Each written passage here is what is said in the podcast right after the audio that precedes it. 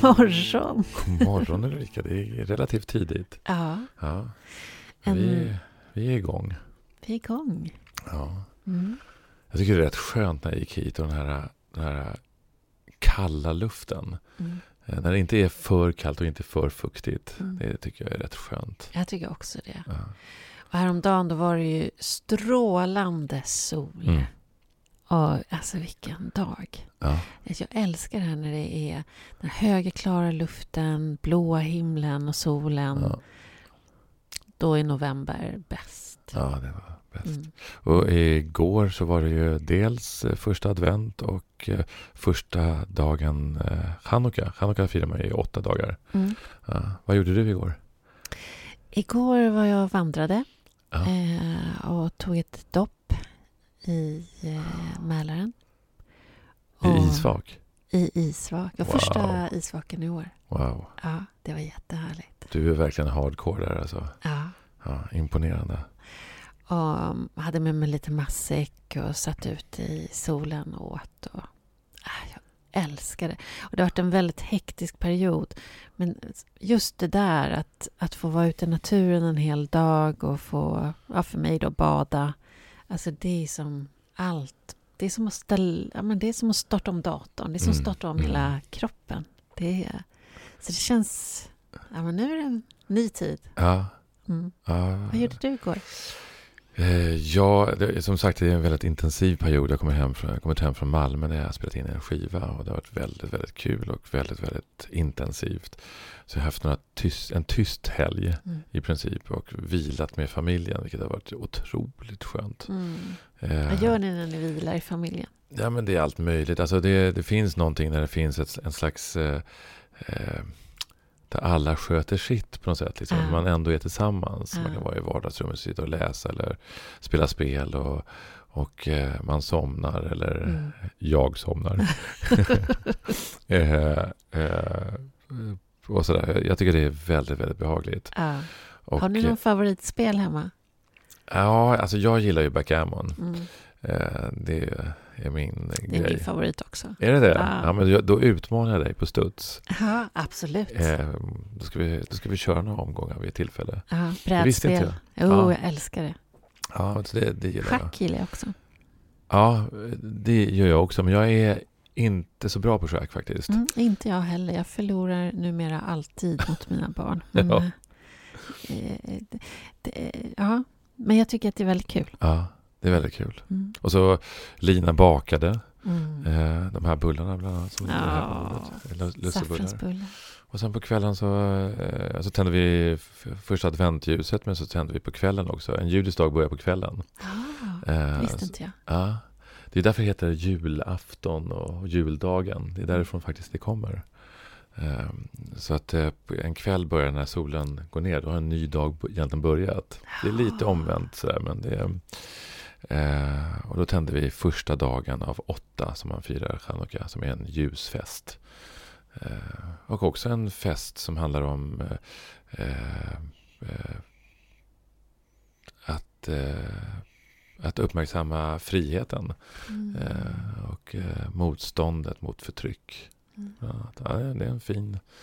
Eh, Finns det några ceremonier kring det som man gör förutom att tända ljus? ja, vi har den här eh, åttaarmade ljusstaken Mm. med en, med, inte då den sju, sjuarmade som är menoran, Mm. utan här är en chanukkia som jag har åtta och så en, har den en shamesh som är en, en, eh, en eh, tjänare som tänder de andra ljusen, så brukar man säga.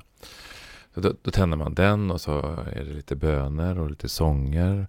Och självklart mat, inte minst potatisplättar, latkes, Mm. eh, bland annat som man äter. Och eh, sufganiyot, eh, alltså egentligen äppelmunkar är det. Eh, och eh, sånger och också lite olika spel Mhm. som man spelar. Eh, bland annat eh, med en liten dreidel heter det på jiddisch eller sevivon på hebreiska. Som man, man snurrar en liten sak som man spinner runt så här och så kommer den på olika bokstäver och så finns det olika sorters spel kring det. Wow. Ja, det är, det är en trevlig fest och Har framförallt man det att man- varje kväll då i åtta dagar? Ja, det har man. Ja. Eh, och sen i och med att vi eh, nu eh, befinner oss, man blandas upp liksom i, i västvärlden så ger vi också varandra eh, presenter. Mm. Eh, det, det, det ingick inte från början. Mm. Men nu gör vi också det, liksom, att man ger Mm. varandra en liten En liten present. gåva. En liten gåva en gång i, i, i, under åtta dagar. Men ursprungligen så har jag lärt att det, det, det, var, det, det var inte, så var det inte. Mm. Eh, men eh, det, är- det är en fin grej. Det är en fin grej. Ja. Absolut. Mm. Har du planerat dina gåvor då? Eh, ja, alltså med barnen så är det ju så här att där brukar jag göra gåtor. Mhm. Eh, alltså att de, eh, jag brukar hitta på någonting som ska vara en gåta som varar i åtta dagar. Oj. Ja, alltså på olika sätt så måste de lösa det. Dels genom att ta reda på vissa fakta eh, och ibland är det vissa matematiska uträkningar och eh, lite lustifikationer och sådana saker. Och, Ja. eh, lite Så, saker. och svaret är gåvan då, eller? Ja, som de får den åttonde dagen. Mm. Ja. Wow! Gud Fast vad var- häftigt. Vilket väl- jobb det måste vara att sätta igång. Det var ju rätt många barn. Ja, ja men det, alltså det, vi, det precis, men det, nu handlar det om de två små. Ah, okej. Eh, så det, Viss begränsning. det är en viss begränsning och de stora det är lite lättare. Liksom. Ja. Men hur, hur firar ni julafton också då? Eller hur Det är klart vi gör. Mm. Eh, är min, I och med att vi är en mångkulturell familj Mm. liksom, så Mm. firar vi allting som vi kan fira. Mm. Det är ju underbart att få göra det. Ja, jag håller Ja, med. Ja. Så att, eh, jag ska kunna fira andra helger också som inte representerade min familj också faktiskt. Ja, ja, jag med. Det, man kan aldrig fira för lite. Nej, det tycker inte jag heller. Nej. Nej.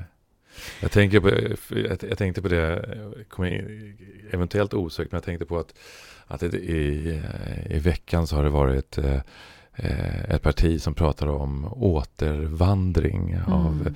av eh, våra, våra eh, av invandrare. Mm. Och eh, det gjorde mig så illa, jag blev så illa berörd av det för att jag just tycker att, att det berikar vårt samhälle så enormt mycket. Mm. Och eh, hela den här idén om att man ska eh, få folk att återvända till eh, någonting som kanske inte ens existerar Nej, är, är förskräckligt. Alltså. Ja, det är förskräckligt. Ja. Dels av humanitära skäl, alltså me- mellanmänskliga och mänskliga skäl. Det är det viktiga. Men sen är det ju faktiskt, vi vet att vi klarar inte att gå runt det här landet på bara de som föds här. Nej, Det vet vi. nej, Det, finns det, är fortfarande, det är redan kris med att det föds för lite ungar och att Ja. det inte finns några som ska ta hand om oss när vi blir gamla. Och Just sen det. blir det bara sämre och sämre. ja, Så att det är... Eh, idén är, är galenskap. ja det, det är faktiskt galenskap och det strider mot allting vad eh, vår, he, hela vår idé om vad, vad ett samhälle ska vara. Mm. Eh, så det, och jag hoppas verkligen att alla partier liksom eh, ryter ifrån och ställer Mm. upp och säger till att, att det här accepterar inte vi. Det här Mm. är förskräckligt. Mm. Jag hoppas Eh, jag också. Ja, Mm. mm. Du, vi har en gäst idag. ja, vi har en gäst. Och ehm, eh, det är faktiskt Margit Silberstein. Eh, som har ju varit eh, politisk reporter och eh, kommentator under många år på Sveriges Television. Eh, men hon har ju en lång journalistisk karri- karriär som började redan på 70-talet och hon har jobbat på Svenska Dagbladet och Sveriges Radio, eh, SVT, Göteborgs-Posten, Dagens Industri eh, och på våra nyhetsprogram då. Där Mm. hon har varit, eh, P1. vad sa du? Är P1. Ja, i P1, ja Mm. just det, precis. Eh, och eh, hon skriver även på ledarsidor och så vidare. Och eh, ja, hon... Hon har precis kommit ut med en bok också. precis. En bok som heter Förintelsens barn. Mm. Eh, och den ska vi också prata om lite grann. Mm. Ska du hämta henne? Jag går ner och hämtar henne. Ja, bra.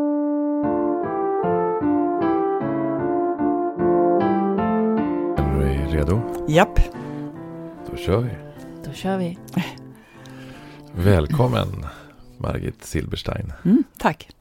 Väldigt roligt att ha dig här i podd Mogna. Spännande att få vara här. Jag tycker vi kör rakt på, Ja. som vi brukar göra. Är det så att du har mognat något den senaste tiden? Ja, jag har ju gått och funderat på den frågan och eh, det, är, det är jättesvårt att svara på vad mognad är och det är väl det ni inser när ni ställer frågan också. Eh, är det att man eh, inte brusar upp lika lätt, man väljer sina strider? Kan det ju vara. Men det kan ju också vara likgiltighet, eh, eller hur? uppgivenhet, att, jag, att, att vara sån, att liksom Mm. tagga ner för mycket, eller vad man ska säga. Eller är det, jag, jag, vi firade chanukka igår, Mm. jag och min familj, Mm. så jag tog upp den här frågan med dem. Och min, eh, ja, det var min svägerska som sa mognad, ja, frukter, och så pratade hon om hon gillar gröna bananer, Mm. min bror gillar övermogna bananer. så ja, mognad, inte mogen, det kan vara olika verkligen. saker. Det där med frukten var kanske inte så relevant egentligen, men eh, är det de samlade erfarenheterna man har, det som präglar en väldigt mycket. Lär man sig av dem? Ja. Ja, kanske, men man kanske också bara upprepar samma misstag, går mot stupet varje gång. Mm. Mm. Jag kan nämna en grej som var väldigt omoget av mig när jag fyllde 67. Förlåt. Då kan man nu få åka billigare på pensionärsbiljett med på tunnelbanan. Mm. Och jag, jag tyckte att det där var så jobbigt att säga det i Pressbyrån. Så jag köpte till vanligt pris. Ja. Under flera månader gjorde jag det. Det är ju superomoget och barnsligt. Lite gulligt. Ja, lite gulligt. kanske. Ja, lite men det är det. Jag finns någonting... Jag, Man blir varm i jag, hjärtat av. Ja, och jag tänker också att det, det är lite grann... Du behövde de där extra månaderna för att Ja, bli lite 67. kanske. Ja, det har du rätt i. Så var det kanske. Ja, så det, det tog eh, ett tag för dig att, för- ja, stå för att du Att var ta 67. in det där, ja. Okej, nu ropar jag ut det. Ja. Pensionärsrabatt, tack. Jag hade en tonåring som köpte alldeles för dyrt busskort för att han skulle vara stor. Jaha. Det var en dålig idé. Men det var ju också, det var ju ändå gulligare faktiskt, måste jag säga, än min självbedrägeri. Ja, det var ju fint, men när han blir tillräckligt stor kommer han inte att vilja göra det antagligen. Nej, Eller tror du inte det, när han blir i min ålder? det kan vara så. Ja. Ja. Det beror ju alldeles på. Det här med åldrandet och åldern. Alltså, vi har ju en märklig syn på det i Sverige. Det Ja. finns ju mycket åldersdiskriminering och att man ålderismen pratar Mm. vi om och så. Så att kanske, kanske har vi en annan syn på det när, det, när Ja. den dagen kommer. Ja, kanske. Du menar att det är svårare att bli och åldras i Sverige än i många andra länder? Jag tänker det. Kanske. Ja. Men i alla länder så, det här att man blir äldre, det går inte att komma ifrån. Och det, ja men, självklart vore alternativet mycket värre, men, men eh, eh, det, det är ju liksom, det kan ju vara svårt också. Mm. Det, det, Att åldras. Ja, ni är ju så unga, men... Eh, nej, men eller svårt är att ta i. Jag är ganska levnadsglad faktiskt, men Ja. eh, till slut når man ju en ålder när man inser att alltså, det där överblickbara, det är Mm. lite svårt att ta in tycker jag. Mm. Mm. Man börjar tänka så här, om tio år, jag ser så gammal. Mm. om mina barn. Jag inte få träffa dem sen. Och så. Mm. Mm. Det, ja. Hur, hur gammal känner du dig? Man- Ibland så har man en sån här ålder där man... Ja, Eh, det, här är min, det här är min egentliga ålder. ja, men de flesta tycker väl att de är, känner, sig, känner sig väl mycket yngre. Eh, sen när man ser sig i spegeln så inser man att det, det har hänt något. Ja, vad känner jag mig som? Jag vet inte, 30-årsåldern någonting kanske. Ja. Mm. Eh, jag har inte tänkt på det riktigt, men eh, någonstans där. Jag vet inte hur länge man, det uttrycket ni använder, mognar. Eh, men mog, alltså, jag, jag tänkte på, mycket på det faktiskt. Jag kom inte på några bra svar, men man pratar ju ofta om andra som mognar. Man kan tänka någon kompis man har som har levt lite så här rastlöst och hoppat från det ena till det andra. Och så till slut så stad, stabiliserar sig, stadgar sig den personen. Ja, nu har han mognat, säger man. Mm. Är det det som är att mogna? Jag vet inte. Kanske. Mm. Vad Nej, tror det är ni? nog jättesvårt. Och jag tänker, den här liknelsen med frukten, visst kan man känna sig lite övermogen ibland? Ja, exakt. Mm. Ja, precis. Nu, nu har det nog mognat lite för mycket här. Ja. Men jag tänker att, eh, som vi driver lite grann här, alltså det, att, att det är ju inte det att nu är jag mogen, Nej. punkt. Utan det är ju en process. Och Absolut. när man har kommit en bit så är det en annan bit som behöver mogna. Och Ja, Det där tänker jag, det håller på hela livet. men vad är, vad, när du säger så, vad tänker du då? nu har jag mognat sa du. Ja. Va, Nej, va, men hur, vad är det? olika, nej, men jag tänker att det är eh, olika faser i livet eh, Mm. som har olika eh, jag vet inte, krav eller mål eh, för mognad. Att en slags utvecklingsprocess. Och sen är det vissa Mm. saker som, som halkar efter Mm. på grund av eh, eh, att livet har eh, tryckt till en på olika sätt och, och så vidare. Mm. Eh, Men jag tänker att mognad, är, alltså det är, en, det, är en, det är en livslång process. Mm. Det är ingenting som, eh, det är inte så att nu är jag mogen. Och, Nej. Nej, och sen tror inte jag att det är någon linjär process Nej, heller. Nej. utan det, är- det är liksom två steg fram och ett steg bak. Att man, eh, jag tänker att kriser brukar man ju säga att man mognar av. Men det kan ju också vara att man faktiskt regrederar och blir, Mm. blir rätt omogen. Mm. Bitter kanske. Och kanske bitter Mm. också, att man och fastnar. Ja. Att man inte kommer vidare. Nej. kan man ju också... Ja. Men jag tänker, när jag tänker på mänsklig mognad och växt, att, det, att jag i mycket högre grad idag, när det är väldigt intensivt, inte stressar upp mig, utan ja, Mm. det blir som det blir. Jag gör så gott jag kan. Ja. Det finns ett annat lugn än när jag var yngre. Ja. Att jag, eh, att jag kan ha förståelse för andras misstag på ett bättre Mm. sätt. Mm. När jag blir själv blir drabbad av misstagen. Att Mm. ja, ja, det, Ja. det finns stora problem, det finns små problem. Det blir Mm. mer proportioner på saker. Ja. ja, det är lite mer tillbakalutat. Ja, lite mer. Mm. Ja, ja, det kanske är det som är mognad. Men det får ju som sagt inte bli för mycket så. Nej, det blir det inte. Or- Nej. orka, liksom. Ja, Det får man inte. Det får inte vara någon ledstjärna. Verkligen inte. Utan kraften måste ju finnas Ja. där. Och, Mm. och jag tänker att eh, om, åldrandet eller mognaden har ju också med sig massa erfarenheter som Mm. vårt samhälle behöver och som vi Mm. behöver tillsammans. Vi Mm. behöver ju nyttja det. Så det, det får inte vara att man lutar sig tillbaka med all den här kunskapen och erfarenheterna. Tänker jag i alla fall. Nej. Nej. Hur, hur ser du på ditt eget åldrande? Nej, men precis som, som du säger så, så är det på ett sätt skönt. Mm. Alltså att man, man orkar inte ta fighter hela tiden. Och eh, man... Eh, eh, jag tror att jag har varit en person som... Eh, alltså vissa saker står jag inte ut med, då ställer jag mig upp. Och det gör man, tror jag att jag gör mera obesvärat idag. Mhm. Jag bryr mig inte eh, så mycket Mm. egentligen. Men eh, och sen, jag tar vara mer på tiden tror jag. Mhm. Eh, att vara i nuet som det heter, men det tror jag är ganska bra på faktiskt. Mm. Eh, och, eh, och sen så träffar jag, jag försöker att, det låter som jag ska dö om inom kort, men, men jag försöker ändå att eh, liksom, träffa människor jag verkligen tycker om. Att använda tiden till det, inte Mm. bara, alltså jag, jag är väldigt social av mig, men, eh, ja, men liksom lite spars, mera sparsmakad. Mm. Utan På, att på ett verka, medvetet sätt? Ja, lite. Alltså jag Ja, säger nej ja, mera. Okej. Ja, alltså utan att eh, tycka illa om människor och så, Mm. men ändå. Mm. Eh, Värna Det- din tid. jag värnar min tid, ja. Och det är ju skönt att umgås med dem som man känner att, eh, Mm. att man tycker väldigt mycket om. Mm. Ja, hur ser jag mer? Utvalda de måste få känna sig. ja, visst. eh, ja, hur ser jag mer på åldrandet? Nej, men det är klart att jag kan reta mig på ehm, faktiskt alltså den här debatten som har uppstått med Ann Heberlein. Mm. Eh, om att eh, hon står inte ut med att eh, inte hon ser sig själv som lika vacker längre. Eh, och att man åldras, man blir skrynklig och allt det där.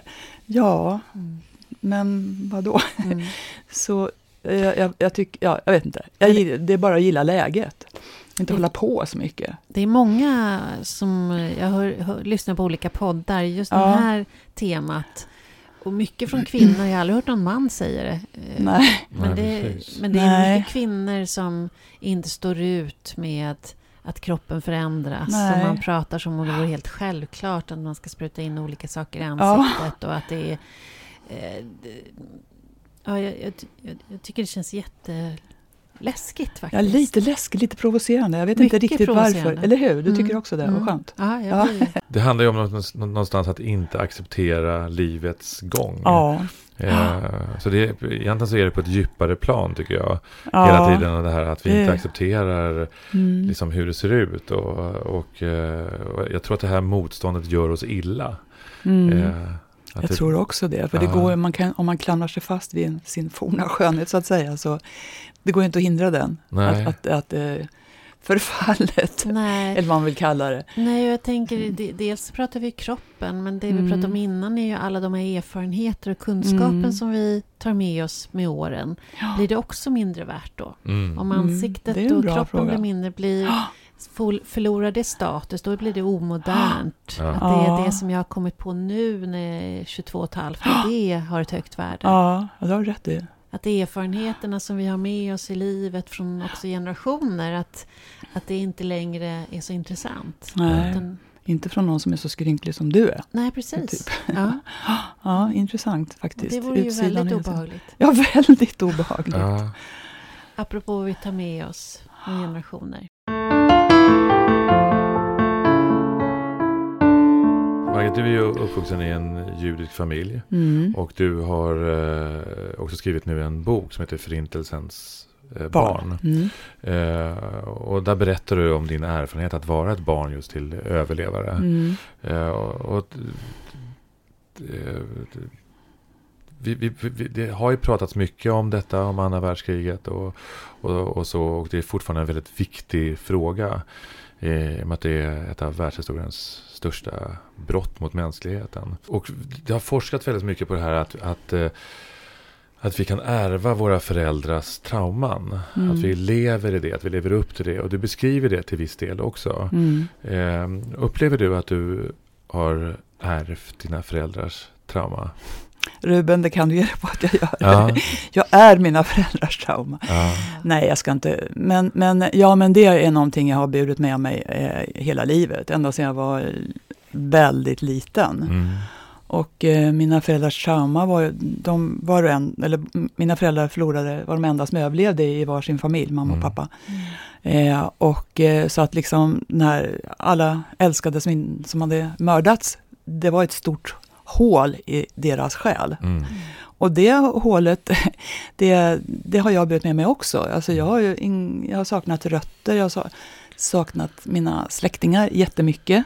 Jätte, jättemycket faktiskt. Och det där, eh, eh, jag skriver om det i min bok också, att en av mina söner, Joel heter han, han, eh, jag hade inte tänkt på det, men jag intervjuade mina barn också när jag skrev den här boken. Och han, och han sa också, mamma, det där att inte vi har rötter, det betyder ju att det är en stor del av dig som inte jag får lära känna. Och det, det har liksom eh, gått vidare. Mm. Och eh, nej men jag, det har ju lagt sig förstås, men när jag var yngre och liksom tänkte jättemycket på lidandet och svälten och Auschwitz, hur var det där och hur såg det ut och hur kunde man, man fortsätta leva efter det? Och, ja, det är liksom, och jag är uppvuxen i en väldigt kärleksfull familj, men jag har haft en väldigt bra barndom tycker jag. Mm. Eh, men det var, det, allt det här fanns ju där. Det satt ju bara i väggarna. Mm. Och när som helst kunde någon av dem börja gråta. Och då förstod man ju på ett ungefär vad det var. Mm. Men eh, min pappa pratade inte om det, mamma pratade mycket. Men, eh, ja, men allt det här har ju, ja, det finns i mig. Det är svårt att sätta ord på det egentligen, men På vilket sätt har du märkt av det under ditt liv? Förutom det här med saknaden och rötterna, mm, att vara rotlös att, och den sorgen såklart som det finns med och, och så. Men konkret i, i dina handlingar, har det kunnat synts där? i mina handlingar, jag vet inte.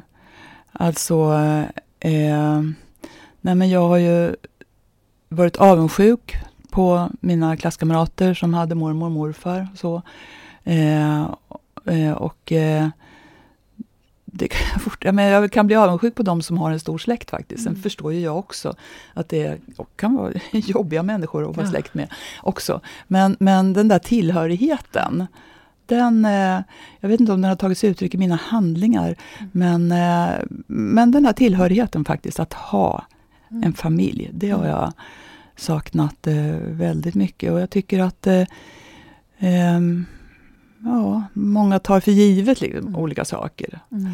Att man ska ha det bra, man ska ha familjen. Och, och eh, jag- ja, jag skriver om det i boken också, att eh, för mig är det liksom, det tror jag, om det har präglat mig också, att eh, jag tar faktiskt ingenting för givet. Mm. Och jag tänker inte att oj, händer det här mig? Varför händer det mig? Ja, men jag tycker hemskt om hemska saker händer.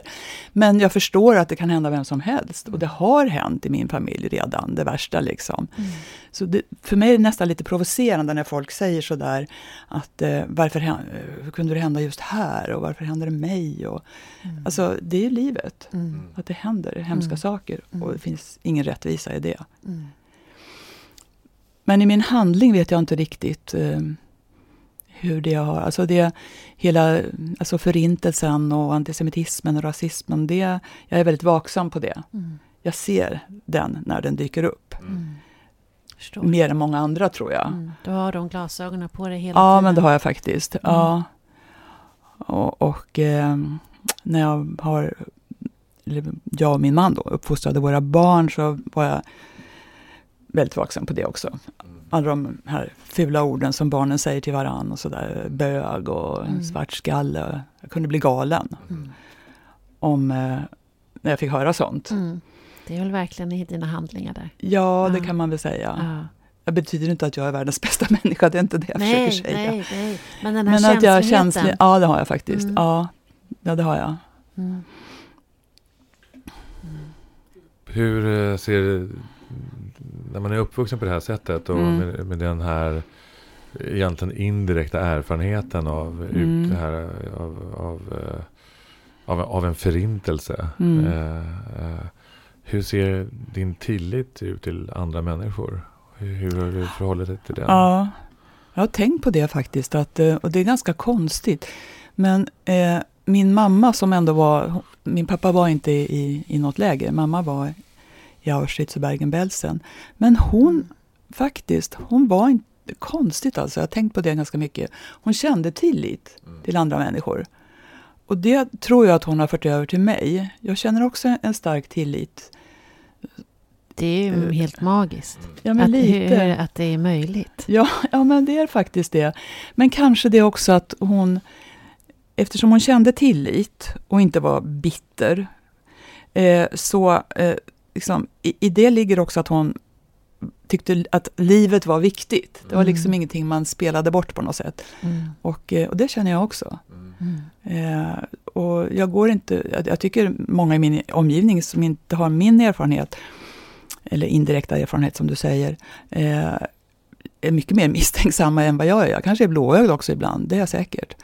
Men, men jag, jag är ganska glad över att jag känner tillit. Ja.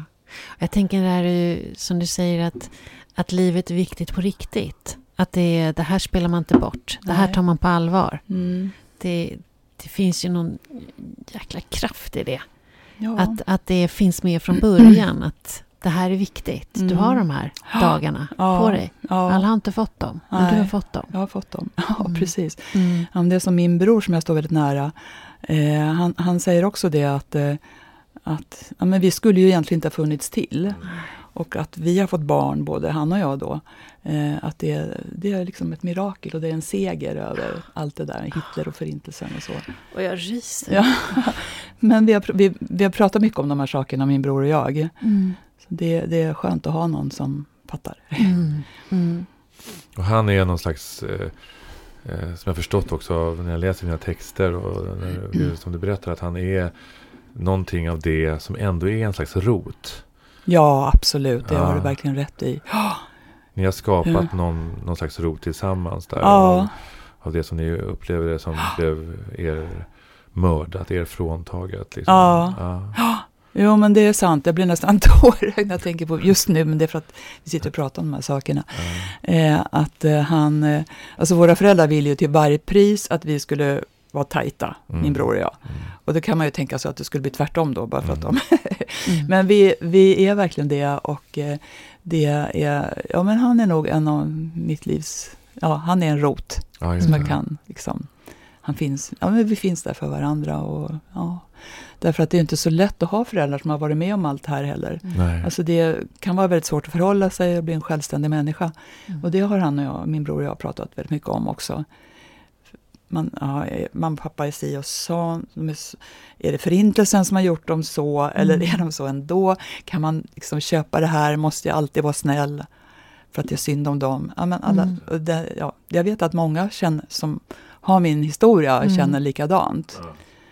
Jag, kan, alltså, jag har ju ingen sån historia, jag har helt andra historier. Men, ja, alla har historier. Men jag tänker att, att när man har varit, varit man är så medveten om sina föräldrars eh, smärta mm. och sorg. Mm. Att, hur, hur, går det till när man ska bli egen vuxen? Den här Precis. vanliga liksom, revolutionen som ja. man gör när man ska mm. gränssätta. Och, och som, som krävs ju för att bli vuxen är ju att få släppa ett tag för att komma tillbaka i en ny relation. Ja, precis. Hur, hur går det till när man...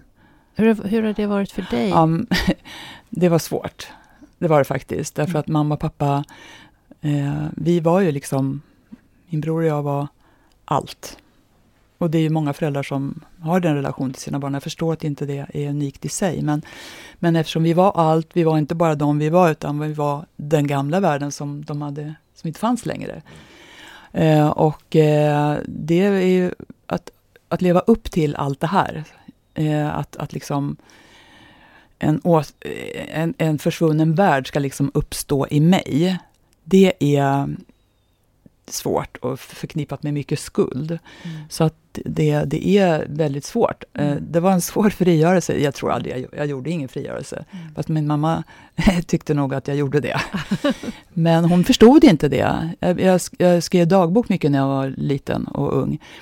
Och, eh, och jag, jag läs, när jag skrev min bok så läste jag mina dagböcker och då så skriver jag om att mamma, jag sa till mamma, barn måste, man äger inte sina barn, man måste klippa navelsträngen. Och då trodde hon att klippa navelsträngen betydde att man bara försvann. Ah. Så det var jättejobbigt. Oh. Men eh, jag har fått många reaktioner på boken från de som inte har min historia. Mm. kanske in, barn till invandrare mm. som och, eh, och, och, som du lite var inne på, att man, kan, man har sin historia och sin svår, kan ha en svår relation, mm. som har känt igen sig mm. i det här med skulden och ta hand om sina oh, föräldrar. Och, och det, det var ett fantastiskt faktiskt att, eh, att det, det, att det förenar. Det förenar, precis. Då mm. känner man sig inte så ensam om det förenar. Att det, mm. ja. Mm. Hur, uh, vi har ju haft några journalister här från ja. public service tidigare. Och det här med att vara att, att vara en del av att föra fram olika budskap och olika åsikter men egentligen inte få ha så mycket åsikt själv. Mm. Eh, för det är inte det som är grejen, utan det är att synliggöra andras åsikter. Hur har det varit för dig eh, som ändå, tänker jag, bottnar i, i en väldigt stark starka åsikter om demokrati mm. och, och människors lika värde och så. Mm. så. Det, är, kan det vara utmanande? Alltså jag, som sagt, public service, ja, det sitter liksom i ryggmärgen. Mm. Det gör det. Eh, och det tror jag gör för de flesta som jobbar på, i public mm. service. Mm. Så att, eh, men man får ju, hur ska jag säga? Ja, jag ska liksom skära igenom så att andras åsikter kommer fram. Så att jag mm. har, det har jag varit väldigt noga med. Mm. Och faktiskt är det fortfarande, fast jag inte behöver vara egentligen. Men, eh, men jag har inte känt det som en begränsning egentligen, mm. därför att det är jobbet och det är ju ett journalistiskt, så är det ju i den svenska journalistiken, att man, eh, ja, både, alla parter ska höras och sådär, man ska få en bild av och så mm. Bilda sig en uppfattning eh, själv. Eh, men eh, ja, jo det kanske har varit, ibland har det väl varit eh, svårt. Man, mm. jag, och då har jag, jag har varit väldigt noga med liksom, att balansera vilka ord jag använder och så, man, när man sitter och skriver och tänker och sådär. Om jag säger så, då får jag de här på mig. Mm. Bäst att jag mild, lägger in ett eh, som det ser ut nu eller liksom mm. mildrar uttrycken på något mm. sätt. Eh, och det är ju viktigt. Alltså, mm. det, är ju inte, det intressanta är ju faktiskt inte vad, jag, vad kommentatorn tycker. Nej, nej, självklart är det det och det är ju otroligt Men, professionellt. Jag tänker bara att med de vindarna som ändå ja. har blåst nu under ett tag. Mm. Eh, vi, vi, ser ju en ökad både rasism och ja. eh, på olika sätt ja. en vindar som som kan vara svåra att förhålla sig till. Absolut. Eh, att det, kan det påverka? Alltså uttrycket, all, som du sa nyss, alla människors lika värde, det har jag sagt många gånger i TV. eh, och, eh, ja, jag kan inte komma på just nu eh, kontexten, men eh, eh men man, eh, jo men det är ju naturligtvis en utmaning. Men det ingår liksom i, mm. i jobbet. Mm. Det, det, är många som har frågat mig genom åren. Mm. Har inte alltid varit kommentator, mm. men ja, i många år var jag det. Eh, hur, hur, kan du liksom inte, hur går det till att du inte säger vad du tycker? inte mm. det är jättejobbigt? Men, mm. men eh, det är liksom förutsättningen. Mm. Jag tror att eh, det bara är så. Mm. Ja, jag, Om man ska jag, ha det jobbet. Självklart, jag tycker det är fantastiskt och beundransvärt. Själv skulle jag tycka att det var jättesvårt. Ja. Jätte, för ibland kan jag bli så provocerad så ja, jag håller på att det blir man ju. studsa i soffan. Ja. Mm. men, eh, men som sagt, det sitter kvar fortfarande. Jag har, jag har, när jag slutade min anställning på SVT så började jag frilansa. Ja. Eh, var lite sådär, och jag vill absolut inte sluta jobba. Men då tänkte jag fortfarande i, i de termerna. Nej, ja. inte parti, liksom, jag vill inte ta ställning. Mm. Utan, eh, men jag kanske tog ut svängarna lite mera. Men eh, mm. jag tror det är något som verkligen sitter starkt i public service-journalister mm. faktiskt. Mm. Och det är lite mm. stolthet i det också. Att, eh, Självklart. Ja. Det, det, det, är otroligt viktigt såklart. Ja. För vår demokrati. Men känner du trots allt vad du säger nu, så frågar jag ändå. Känner du en oro inför den, den politiska utvecklingen i vårt samhälle idag? Ja, det gör jag ju. Ja. Det gör jag. Ja. ja, men det går så väldigt fort just nu och eh, jo, men vad det, in, vad det innebär. Ja, eh, jo, men jag känner alltså att eh, mer och mer blir accepterat. Mm. Det är inte jag den första som har insett att liksom, vi flyttar fram positionerna hela mm. tiden. Och, eh, och det är väl så det går till liksom, när man ska ändra människors mm. normer och, sådär, och mm. sätt att tänka. Och att det som förut var hemskt, att det blir, eh, ja så här måste det vara, det blir det naturliga. Mm. Vi måste ju, det här, jag tycker så illa om det här uttrycket, vi måste säga som det är. Mm. Eh, vilket de som säger så har ju väldigt mycket ofta sagt som de tycker att det är, men det får man ju inte göra här i Sverige och sådär. Mm. Men nu så säger man ju väldigt mm. mycket, mm. utan att det är något konstigt. Eh, ja, men jag känner en, en oro, det gör mm. jag absolut. Mm. Eh, och jag tror att den är ganska befogad egentligen. Ja, du som har bevakat politiken så länge, vad, vad, vad ser du framför dig? Vart är vi på väg? Kan, har du någon, liksom, några, själv några mm. reflektioner av det du ser? nu är Eller, inne på... Ska vi väl lämna det ämnet? Eh, ja, men jag vet inte, men, men alltså... Jag, jag, jag, tänker, för jag tänker egentligen, jag tror inte att vi är ute efter den politiska eh, analysen, utan Nej. mer den personliga eh, ja. förhållningen till samhället. Och jag tänker med din erfarenhet eh, som vi började prata om mm. Eh, och, och, den här utvecklingen som vi har i mm. samhället. Och när du säger att det tar tid att förändra Eh, nu minns jag inte exakt vad du sa eh, plötsligt här. Eh, att, det tar för, att förändra mindsetet mm. hos människor. Mm. Eh, det var ju lite grann så det var. Det var en annan sorts tid mm. Eh, på 20 och 30-talet. Det, det var en helt annan värld vi mm. levde i då. Eh, men det är ändå så att det är någonting som sker sakta men säkert. Mm. En slags förändring. Att vissa saker som var helt otänkbart för några år sedan plötsligt ja. är tänkbart. Den här historielösheten. Mm. Eh, den eh, känner jag mig väldigt rädd för. Ja. Jag tänker att hur kan det vara så att, att en, så många människor inte kan vår historia. Mm. Alltså mänsklighetens historia. Mm. Inte någon specifik grupp. För det är egentligen det är inte det det handlar om. Nej. Det handlar ju om, om vad gör vi med vår värld. Mm. Eh, det gäller ju allt egentligen från klimat, eh, hur vi förhåller oss till klimatet till mm. hur vi förhåller oss till djur och människor. Mm. Eh, hur, hur, känner du att det här att, mm. att, att, att, att, den här förändringen pågår och, och vad, vad händer i dig? Mm. Jo men eh, absolut det du säger att vi inte, att vi inte, vad du sa, historielösa sa du. Och eh, ja, men det, det, har, det, det tänker jag mycket på faktiskt. Och är man det, då kan man ju inte placera saker i ett sammanhang heller. Och eh, ja, men till exempel antisemitismen, som, Mm. eh, det är ju inte bara att man hatar judar, det är ju en stor del i det. Mm. Men det är ju liksom en hel världsbild. Mm. Och som eh, eh, jag kan inte de, alla de här konspirationerna och så, men eh, som är svår, det kan vara svårt att känna igen. Ja. Där, allt det här på Facebook och sådär.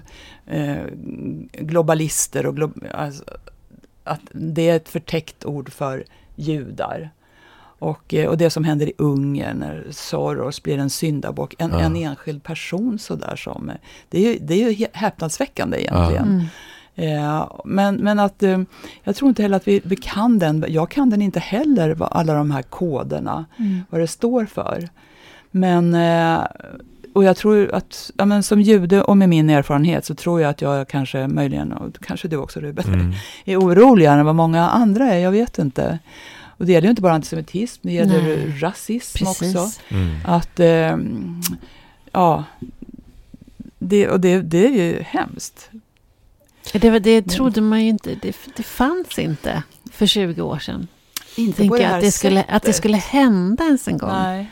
I Sverige. Så det, jag, jag håller med, det går jättefort. Jag skulle vilja gå tillbaka till någonting, jag skulle vilja byta ämne. Ja. Eh, för vi pratar, en, apropå mogna, Mm. så pratar vi en del här om det här att, att man har triggers. Ibland kallar vi det för trauma, ibland kallar vi det för triggers. Och att man, ju äldre man blir, desto mer kanske man blir också medveten om det där när man reagerar i affekt. Mm. Pang, utan att egentligen förstå varför. Ehm, och vi pratar ju om att, att vara bärare av, av generationers trauma och, och sådär. Hur, hur, när det gäller dina triggers, hur har du, eller du kan, ja, har du några triggers först? Och hur, hur har du jobbat med dina? Du menar någonting som jag går alltså som jag blir förbannad på? Eller direkt? rädd? Eller rädd? Ja, Ja. Att, det, att det där med omedelbar reaktion. Och så förstår man inte riktigt, oj varför reagerar jag så här starkt? Och, Mm. och vad är det som händer med mig? Att det, om det finns specifika situationer som det där triggas. Mm. Jag har varit inne på det eh, sen barnen var små, det som jag sa, att jag kunde bli galen Mm. om, om de kom hem och berättat, eh, ja, mm, kallat andra barn för CP och bög och allt vad det är. Mm. Eh, men det har jag redan sagt. Jag vet inte riktigt. Mm. Jag, jag var på en middag här för ett tag sedan eh, tillsammans med eh, mannen i mitt liv. Och eh, jag kände de flesta och han kände inte alla. Och så kommer det en gäst där som bara inte, bara prata, inte ser honom. Han bara liksom nonchalerar honom. Mm. Och då, då blev jag lite förvånad själv faktiskt. Och då, då blev jag så jättearg. Varför, och reste jag. Varför hälsar du inte på Lars? Så det blev liksom lite Ah. tyst. eh, och det var, ja, det var lite otippat, men det var ganska skönt att göra. Ja. Jag tror inte han menade, den här gästen då menade väl inget speciellt, men, men ändå. Jag tyckte liksom att man nonchalerar inte andra på det sättet. Nej. Det är jag också superkänslig för. Eller hur? Ja. Ja. Det, det, eh, jag reagerar direkt. ja. Vad, vad är det ni reagerar på? Det är klart, förutom att det finns en uppenbar ohyfs i det hela. ja, men det det. men, men vad, vad är det som händer? Vad är, vad är det som händer? som händer. Ja. Nej, men jag, hur kan man vara så arrogant? Du är på en middag, skärp dig. Ja. Du, liksom, du måste ju inte älska någon, eller tycka, men, men det finns ju koder för hur man beter sig. Ja. Mm. Och det man följa. Ja. Ja, Nej, jag- ja, Eh, Mina barn brukar prata om att eh, nu har de blivit som mamma. När de sitter vid middagsbordet till exempel så har de vuxit upp med att när de kommer hem med kompisar så ja, det dyker upp en ny kompis, Ali Mm. eller Anna eller sådär. Så, ja, då har jag vänt mig och sagt, men Anna, vad, vad säger du då? Ja. Eller, Ali, hur har du tänkt kring det här? Och det där tyckte barnen var så Ja, jobbigt när de växte upp. Det är inte säkert att man vill prata Nej. mamma bara för att man kommer hit till vårt hem. Eh, och så säger de, nu har de blivit precis likadana. De blir jättenervösa om någon sitter för tyst. Ja, alla ska känna att de är inbjudna i ja, samtalet. Andra ska känna sig sedda. Ja, För mig är det... Ja, men jag känner igen det där och det kan ju bli ännu jobbigare för den personen som är ny i, i gruppen, eller hur? Allt fokus, allt ljus på den, om man ställer frågor. Så kan Fast det man bli. vill ju väl. Ja, Jag tänker också ibland, eh, alltså, ja, jag håller med om att man ska hälsa på alla när man kommer. Ja. Men jag tänker också att det kan, ibland kan det finnas en förståelse. Det kanske finns något, jag har ingen aning om sammanhanget nu. nej. Men det kan vara så att en person triggar den andra som kommer in. Ja. Eller det finns en dold historia. Eller det finns något annat som gör att personen som kommer in blir rädd eller blir låst. Och därmed inte fixar att säga hej. Det kan ju vara sådana saker också. Ja, Eh. ja, men du är alldeles för... eh, Ja, man ska, klara av att säga hej. Man ska det. säga, ja det tycker jag också.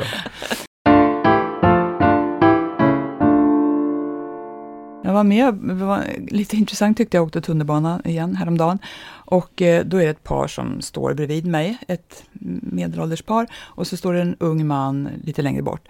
Och sen hör jag plötsligt så här, så säger den unge mannen, Nej, hörde du, det, vad gjorde du nu? Jätteupprörd var han. Eh, Tog du hennes mobil? Och då uppfattade den unge mannen att eh, den här att de inte var ett par. Ah.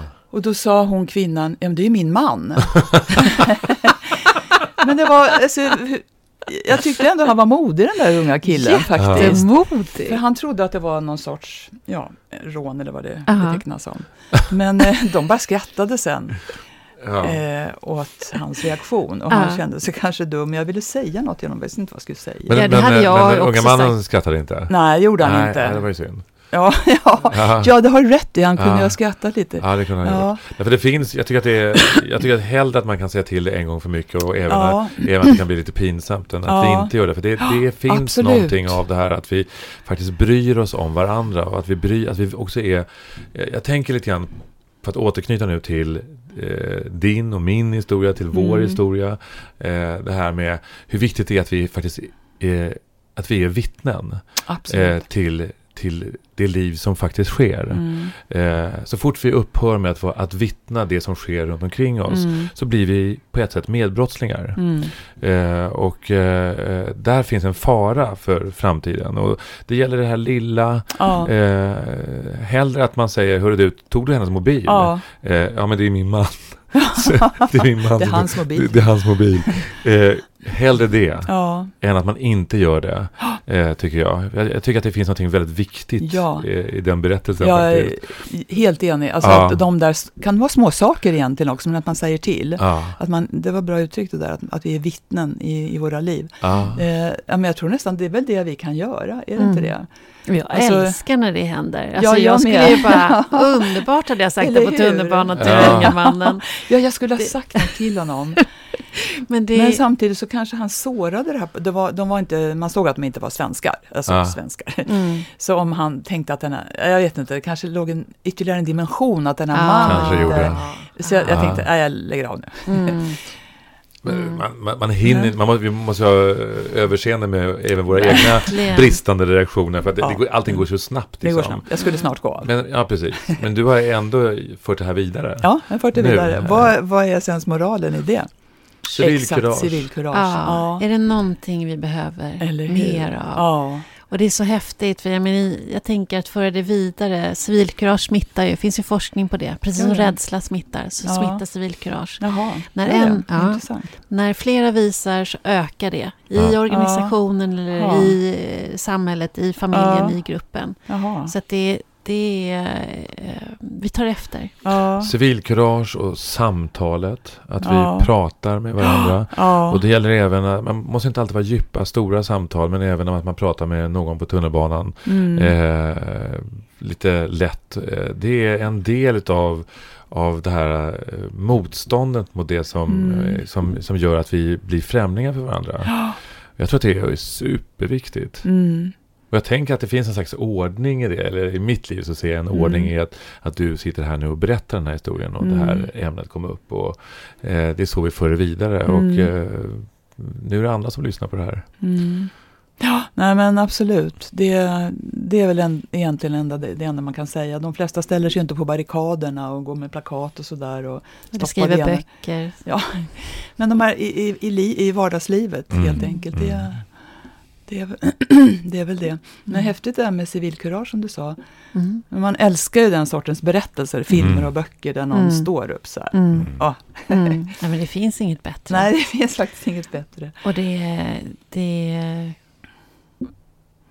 och, och, och samtidigt den, att den här risken som man tar att bli utstött eller förlöjligad Mm, eller precis. utpekad som man gör Ja. när man ställer sig upp Mm. Och säger till. Jag menar, hur många har inte vittnat på arbetsplatser till exempel Mm. att man går ihop så man är arga på någonting, man vill Mm. förändra och man vill, man vill föra fram någonting. Mm. Och sen när man går dit, ja, men då är det en som talar och de andra Mm. har tystnat. Ja, precis. Att eh, oj då, jag var visst ensam. Jag vet Mm. inte om ni har varit med om det. Jag har varit med om det många gånger. Att det är, man konstaterar att jag är visst själv här. Mm. Men eh, med mognad, den tänker jag att man, ja, då får jag väl vara det då. Ja. Det är okej. ja, precis. Så att Jag någon vet annan gång jag- är någon annan. Var jag står. Ja. Det är skönt. Ja. Men har ni varit med om det? Att man har eh, tänkt att det här, det här måste vi snacka om allihopa. Och så visar det sig att man själv blev språkröret. Absolut. Är. I korridorerna så är alla jätteupprörda. Ja, Mm. Och sen när man står öga mot öga med chefen eller vem det kan vara så är Ja. så är det det tyst. så tyst. Ja, det är obehagligt. Hur är det där som Elie Wiesel har sagt som är så himla bra? Att likgiltighet, äh, han skriver det så vackert men likgiltighet är värre än hat. Ja. Det går det ut på. Fast det, han skriver det på ett annat sätt. Mm. Mm. Och det, det tycker jag är väldigt klokt. Ja, Mm. det tycker jag också. Och jag, jag tänker också att eh, vi säger att stå med plakat på barrikaden eller stå och skrika eller så. här, Men det, det är inte alltid där jag tänker att revolutionen sker. Eller vi är inte Nej. ute efter revol- revolution längre, tycker, tänker jag också. Utan det är också de små sammanhangen där vi Mm. gör förändringar som har Mm. betydelse. Mm. Det måste inte vara att man, att det, man slår på stora trumman Nej. alltid. Utan att det handlar ju om att, att, att man sträcker ut den här handen på Mm. tunnelbanan. Eller att man, Mm. att man säger ifrån. Ja. Eh, det behöver inte vara Mm. högt och skrikande. Utan det kan Nej. vara ett, en, eh, jag, jag ser vad du gör. Mm. Mm. Eh, både när det gäller någon som gör, agerar positivt men Mm. eh, också negativt. Mm. Att det är där vi skapar, det är, där, det är det som är kittet i samhället Mm. tänker jag. Och som, vi, som, som går förlorat lite grann nu. Mm. Nej, fast det finns massor av det också. Vi får inte Ja. glömma det. Nej, vi får inte Nej. glömma det. Det gör det. Och, fram, och, och din bok finns. Jag måste bara fråga, den är så vacker. Vad, vad är det viktigaste du ville med den? Med, Eh, jag ville, ja men dels vill jag faktiskt hedra mamma och pappa. Alltså Mm. de, det kände jag. De, efter alltså, allt de hade varit med om, allt Mm. de hade förlorat, så lyckades de skapa ett nytt liv Mm. och eh, uppfostra två barn och ja, en normalitet. Mm. Det var ett skäl. Och sen ett annat skäl var det som eh, eh, jag vill ge lite ett annat perspektiv. Eh, som du sa, eh, att det finns mycket forskning kring eh, hur det påverkar andra generationen, det Mm. som föräldrarna var med om. Men jag tror inte att det är det vanliga, för jag fick många, eh, att jag har skrivit, det är ju, den är ju väldigt egotrippad, det är mitt perspektiv också, hur Mm. förintelsen har påverkat mig, hur den har Mm. levt vidare i mig. Och jag har fått reaktioner att eh, det är många som inte har tänkt på det. Och jag Mm. ville liksom berätta det. Mm. Det tar inte slut, det Mm. går vidare. Och att vi, vi finns. Och sen som det har nästan blivit en, klisch, eller en klyscha att eh, de som var med, det är inte så många som finns kvar. Och Nej. det som du Ruben är inne på också, att, vi, att vittna, Mm. berätta. Eh, ja, det var de sakerna. Mm. Och jag, jag, det som vi var inne på lite tidigare, att, eh, att som kommentator så vill man vara ja, så objektiv som det går. Mm. Så att jag, jag kände inte att jag kunde skriva den här boken eh, när jag stod i, i tv och Mm. eh, var Mhm. cool och berättade hur det ligger till i politiken. Mm.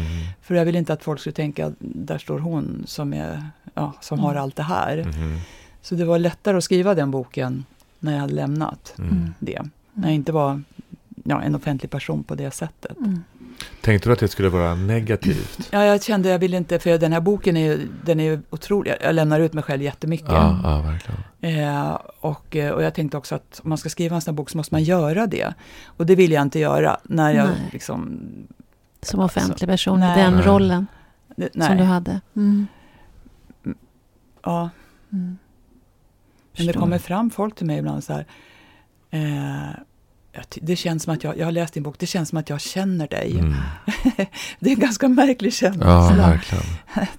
Men det gäller kanske, jag menar du som eh, Ja men du som skådespelare, får Ja. du liknande reaktioner? Eller? Jag bara kommer att tänka på det just nu. Fast då blir jag lite orolig om de Ja. säger till mig att de, att de tror att de Om du känner har sett mig. dig i en roll. ja, för det är ju verkligen inte jag. jag förstår det. Nej, det var en dum jämförelse. Ja, Nej, precis, det är ju tvärtom. Jag känner inte dig. Du bara spelar hela Ja, tiden. precis. Då blir, jag, då blir jag väldigt glad och nöjd.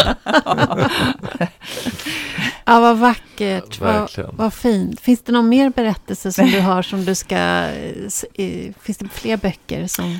Alltså jag skulle ju vilja skriva något mer, men jag vet faktiskt, jag har, det, jag har ingenting på gång. Mm. Eh, men eh, jag hoppas att, eh, att jag kommer att ha det. Mm. Mm. Mm. Det Eh, hoppas vi också. Tack. Mm. Vi brukar avsluta med, eller avrunda med en fråga till alla. Ehm, Vi har ju pratat om det här med vart samhället är på väg och utmaningar som vi har. Vad tror du att vi skulle behöva göra? Eller vad tror du att samhället behöver för att vi kollektivt ska utvecklas och mogna som vuxna?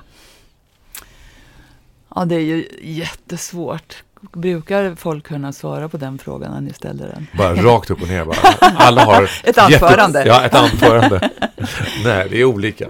Ja, men alltså det är så en stor fråga och eh, jag vill inte verka sv- svulstig liksom med svaret. Jag, jag, jag tror mera som det du är inne på Ruben, att, eh, att eh, försöka prata med varandra och inte vara rädd för att, eh, ja, det blir verkligen klyschor det jag säger nu. Men att inte vara rädd för att eh, säga ifrån när man Ja. ser saker Mm. hända. Eh, det kan vara så himla skönt. Det är inte, det är inte så att jag gör det varenda gång, men, men när man gör det, jäklar vad skönt det är. Vad Mm. nöjd man är med sig Mm. själv. Mm.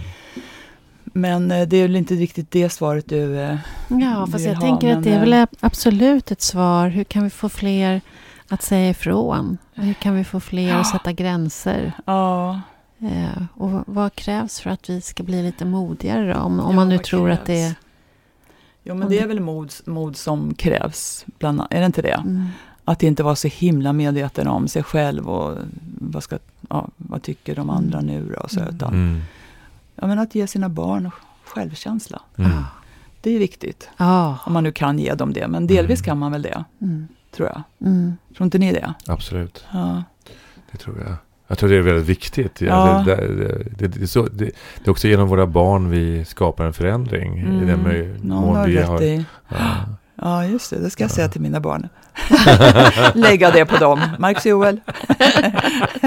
Förändra världen. det står och faller med er. det är ni skyldiga mig. ja, jag, jag tänkte mer att, att, det, att vi har någonting med vår erfarenhet. Ja. Att vi ska ändra vissa mönster Mm. som vi kan ge till våra barn. Ja, Som de kan föra vidare. jag förstår det. Ja. ja, men jag håller med dig. Ja. Tack ja, men tack. för att vi fick din själva. tid Vad och, trevligt det var. Ja. Vad härligt att få prata om sig själv hela tiden. och så fin, fin berättelse. Verkligen. Tack för att du kom till podd Mogna. Tack, Margit Silberstein. Tack Margit. Ja. Mm. Det här med trauma är, och triggers, det är inga lätta saker. Och, Nej. och tänk att man... Jag tror ju också att man ärver trauma. Ja. Att man lär sig trauma. Att, eller lär sig, men att man... Eh, också en del utav vårt sociala arv. Just Vi det. lär in våra föräldrars rädslor eller sorger. Ja. Mm. Jag tror också att eh, vi vet ju att, att, att eh, vi har, det finns ju olika sorters trauma också. Mm. Det finns ju ett samhälleligt trauma, det finns ett kulturellt trauma, det finns familjetraumat och ditt personliga. Eh, och jag tror att, och tycker mig kunna se att olika sorters trauman lever kvar väldigt länge. Mm. Eh, och eh, ger sina avtryck på olika sätt. Inte minst andra världskriget. Mm. Eh, att det, det har såklart givetvis på ett annat sätt för någon som är andra generationen till överlevare. Men att även att eh, andra världskriget lever kvar eh, som en matta som fortfarande inte är, riktigt är bearbetad i västvärldens historia. Liksom. Det är rätt mycket som har sopats under, eh, under mattan Mm. av eh, delvis av ansvar men också av eh, att titta på eh, hur, hur kan vi göra för att förbättra vissa saker? Mm. Hur, hur kan vi göra för att vi inte ska gå in i, i samma fällor igen? Mm. Och det är, ju, det är ju det som vi ser om och om igen. Att på Mm. grund av att vi inte tar, tar, tar itu med vissa saker så upprepar vi samma eh, mönster igen. Ja, det, verkligen. Det blir man ju så otroligt frustrerad och rädd och orolig över. Och samtidigt om man flyttar över det här på individnivå så kan man ju ibland känna som förälder att varför ska ens barn behöva göra om samma misstag som man själv gjorde? Att, vi, Ja, att, vi, att det bara är så, att det görs om och det görs om. Alltså, evolutionen är inte snabbjobbad. nej, Eh, det är det inte. och, så att på, även på individnivå, Ja. nu pratar vi ju om så gigantiska, Ja, stora trauman, Ja. andra världskriget och alla människornas utsatthet. Men det här med att man inte lär sig, det kan man ju se på så många sätt. Ja, absolut. Men jag, jag tänker att, att eh, det här kollektiva traumat, eh, att det påverkar oss på individnivå. Oh ja. Eh, det, det har med, med främlingsrädsla att göra. Eh, det har med bristen på analys eller att våga titta på vem är jag i det här sammanhanget och hur, vilken väg kan, kan, kan jag ta en annan väg än den som mina föräldrar tog eller Mm. något så. Och ansvarstagande, ansvarstagande för mig själv men också för varandra. Ja. Att kunna relatera och inte vara så snabb med att utse vem som är boven i dramat. Och Ja, utse vem som är den som ska straffas eller ja, kickas ut eller vad det nu är för någonting. Nej, vi... Nej. Jag kan ju se i min egen släkt, där finns det ju många generationers kvinnor som har varit utsatt för förtryck. Och hur, hur vi alla som idag eh, i, i min släkt jobbar med det här. Att det Mm. finns hela tiden med oss. Vi Mm. måste hela tiden vara vaksamma för att bli för följsamma, för medberoende. Det. Eh, därför att vi har lärt oss från barnsben i så många generationer att hur man ska inordna sig och anpassa sig. Och att eh, det, det är inget eh, som bara går att, att nu har vi bestämt oss att så får det inte vara. Utan det är verkligen ett fotarbete. Mm. Ja, det är, det- det är det verkligen. Och det kräver ju också dels tid, Mm. men det kräver också eh, ja, ett visst mod att våga och orka ta sig igenom vissa av de här eh, bitarna som är så smärtsamma. Mm.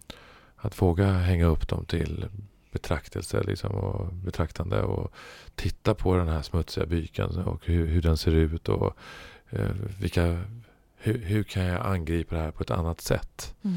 än vad som har varit tidigare. Mm. Och i synnerhet när det är, när det är, ja, det, det, ett, ett trauma kan ju se ut på så många olika sätt. Mm. Liksom, och, eh, men det är fortfarande någonting som är, är obearbetat och som på något sätt lever i oss. Eh, och rädsla är ju inte en kreativ eh, ett kreativt tillstånd att vara i någonting där man är rädd. Och framför allt så blir vi ju blixtsnabba i vår reaktion. Vi blir ju. Vårt beteende blir ju, vi blir ju inte särskilt smarta när vi är rädda. Nej. Vi ska ju bara omedelbart försöka reglera hotet. Ja, just det. Det handlar ju om vår överlevnad. Ja. Vår hjärna blir ju väldigt kortsiktig. Ja, Så det är ju, jag tänker att det viktigaste för att jobba med våra trauma är ju att försöka trygga. just det. Trygga oss själva om vi kan det, trygga varandra Mm. så att vi blir kloka tillsammans. Mm. Och att, eh, att visa varandra omsorg Mm. där vi är mitt i, i det svåra. Och att, att eh, också, jag tycker också att vi tappar, tappar ibland förståelsen för varför vissa människor reagerar på ett visst sätt. Mm. Eh, eh, på grund av, av de trauman som vi går och bär på. Mm. Sen är det ett sätt att förstå den andra. Det behöver inte vara nödvändigtvis, nödvändigtvis så att, att det är någonting som vi måste förlåta. Om det är ett, eh, men det, det handlar ju om att fördjupa vår förståelse för våra medmänniskor och därmed för vårt samhälle och hur vi, hur vi kan förändra det. Mm. Ja. Och det är ju ofta så. Har, har inte du varit med om det när man är i konflikt med någon och man är så jädra arg på den där handlingen.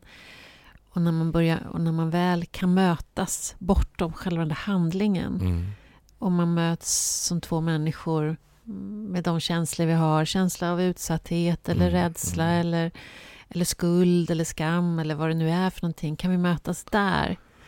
Då blir plötsligt den här handlingen, om det inte är något jättegigantiskt förstås, men då blir den där handlingen ganska oviktig när man Ja. förstår att det blir fel. Ja, Nu, så kan man gå vidare. ja, precis. Och gemenskapen då är, är obetalbar. Mm, Ja, den är fin. den är vacker. Ja. Ja, tack för idag.